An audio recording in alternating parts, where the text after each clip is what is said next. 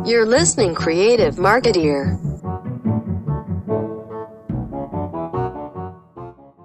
Hai, welcome back to another Creative Marketer podcast. Wah, lagi hujan nih guys. Gak apa-apa ya kalau ada suara rintik-rintik hujan, biar kayak ada efek-efek ambience ambience gitu. Dan hari ini aku mau ngomongin sebuah startup yang berada di Silicon Valley.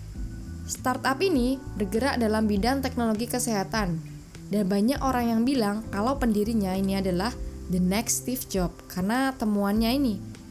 Nama perusahaan ini adalah Theranos, sebuah perusahaan yang didirikan oleh Elizabeth Holmes. Perusahaan ini menciptakan teknologi untuk tes darah yang murah banget. Ketika valuasi Theranos mencapai lebih dari 9 miliar US dollar, muncul beberapa laporan mengenai kesalahan teknologi dan lebih dari 7,5 juta tes yang dilakukan bisa saja nggak akurat.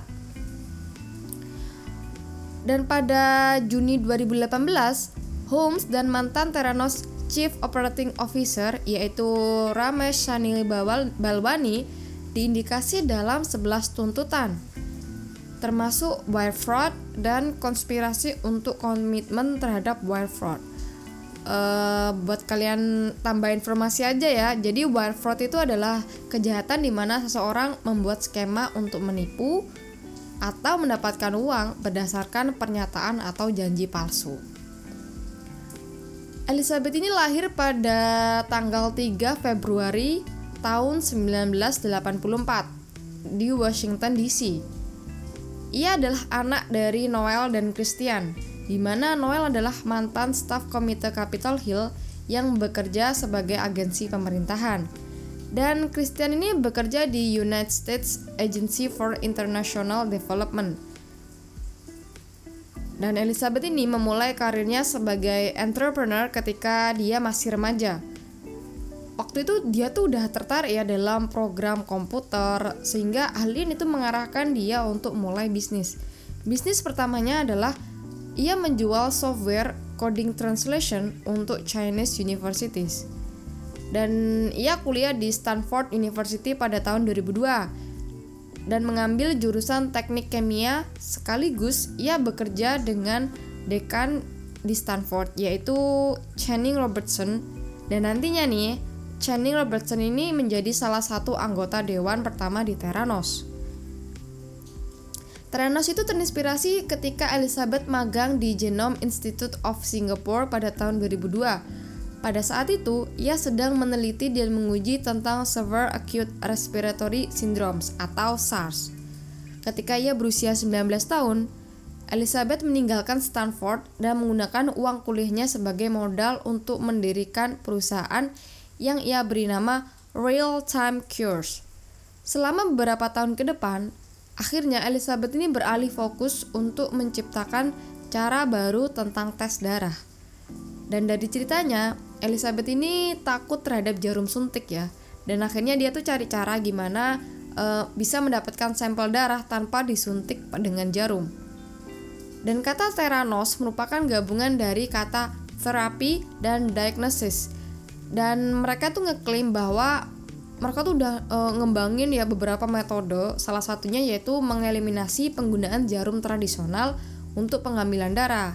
Dan menggunakan maksudnya dan mereka menciptakan sebuah e, alat yang digunakan untuk mengumpulkan darah dalam jumlah yang dikit yaitu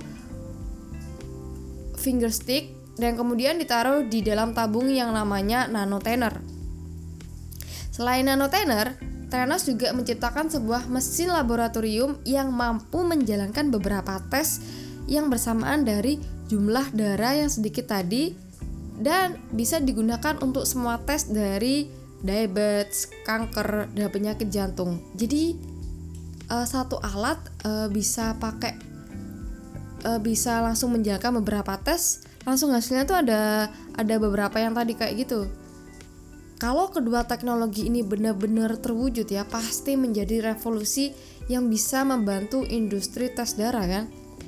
Selain itu, dari segi harga, Theranos ini menawarkan tes darah yang sangat murah, yaitu 5 dolar aja. dan sangat sangat murah kalau dibanding dengan tes darah tradisional seperti di lab atau di rumah sakit. Ya kan? Selain harganya murah, Theranos ini juga e, menyatakan bahwa hasil tes, tes tersebut itu cepat.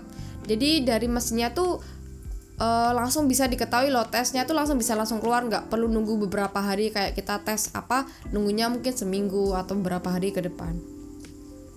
Nah untuk pengembangan teknologi ini, Theranos itu eh, nggak e, mengungkapkan kepada publik, bahkan ke investornya pun nggak ngungkapin nih tentang e, apa aja nih yang digunakan, e, teknologinya tuh apa.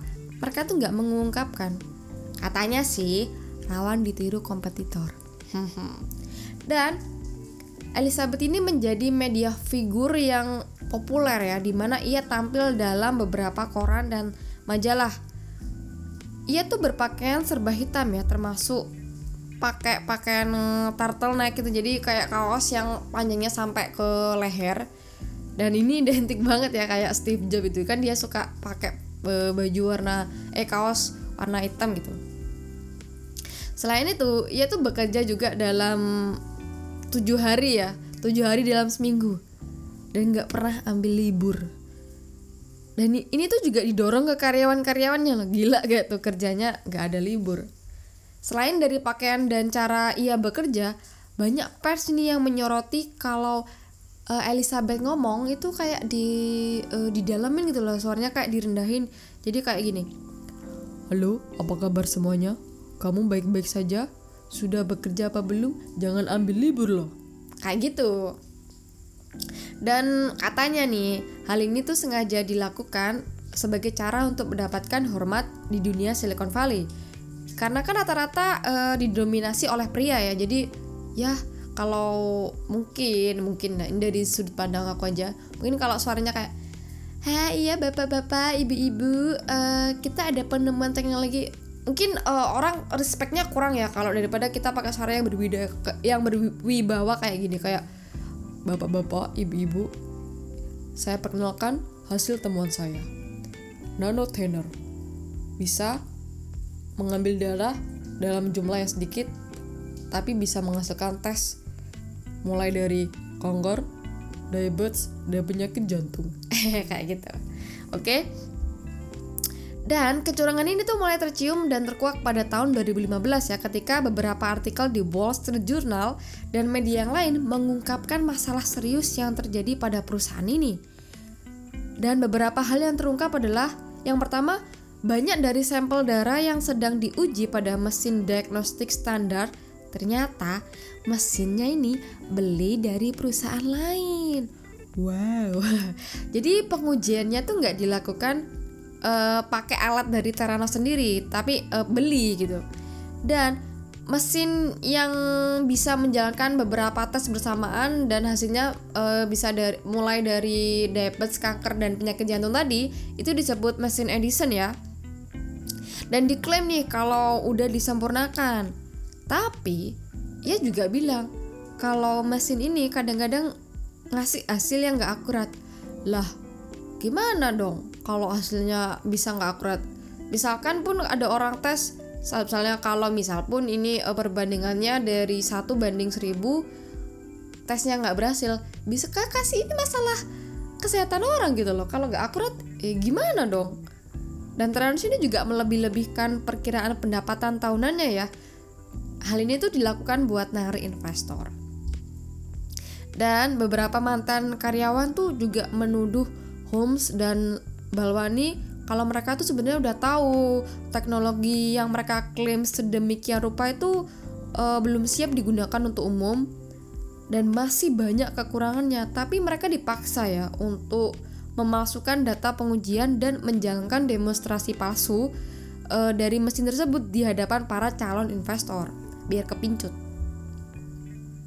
Nah, ternyata ada hubungan nih antara Elizabeth dan Sani Balwani mereka tuh bertemu di Cina ya ketika uh, ketika Elizabeth itu belajar di Cina dan Balwani ini merupakan software engineer yang sama sekali nggak punya background pendidikan dan pengalaman dalam kesehatan atau obat.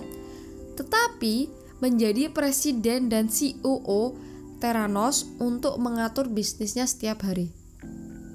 Orang nggak ada background di dunia uh, medical atau kesehatan tapi diangkat jadi presiden atau misalnya direktur atau apalah. Logis gak sih? Hmm, I don't know. Dan gosip-gosipnya, waduh kayak lambitur aja. Balwani dan Elizabeth ini punya hubungan yang spesial. Cie. Dan disembunyikan nih dari investor dan karyawannya. Nggak tahu kenapa. Lalu, FDA atau Food and Drug Administration dan CMS atau Centers Medicare dan Medicaid Services uh, memulai atau mulai menyelidiki menyelidiki kayak uh, perusahaan tersebut mulai dari uh, aturan aturan regulasi industri kesehatannya. Dan menyatakan bahwa nanotanner adalah perangkat medis yang gak jelas dan akhirnya menutup lab Theranos di California.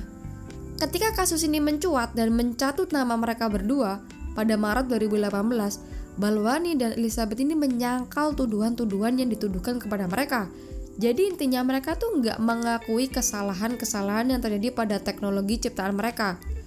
Meskipun nih udah banyak yang kebukti dan uh, maksudnya udah banyak bukti-bukti yang disajikan, Elizabeth ini tetap nggak mau nerima gitu loh. Dan akhirnya pada 15 Juni 2015, Elizabeth dan Balwani dituntut oleh US Attorney's Office dengan 11 tuntutan. 9 di antaranya merupakan wire fraud dan dua merupakan konspirasi melakukan wire fraud dengan hukuman maksimal 20 tahun penjara dan denda 250.000 US dollar ditambah restitusi untuk setiap dakwaan. Nah, kejadian ini tuh difilmkan dalam film dokumenter HBO yang berjudul The Inventor Out for Blood in Silicon Valley. Kalau kalian penasaran, bisa tonton filmnya di HBO ya.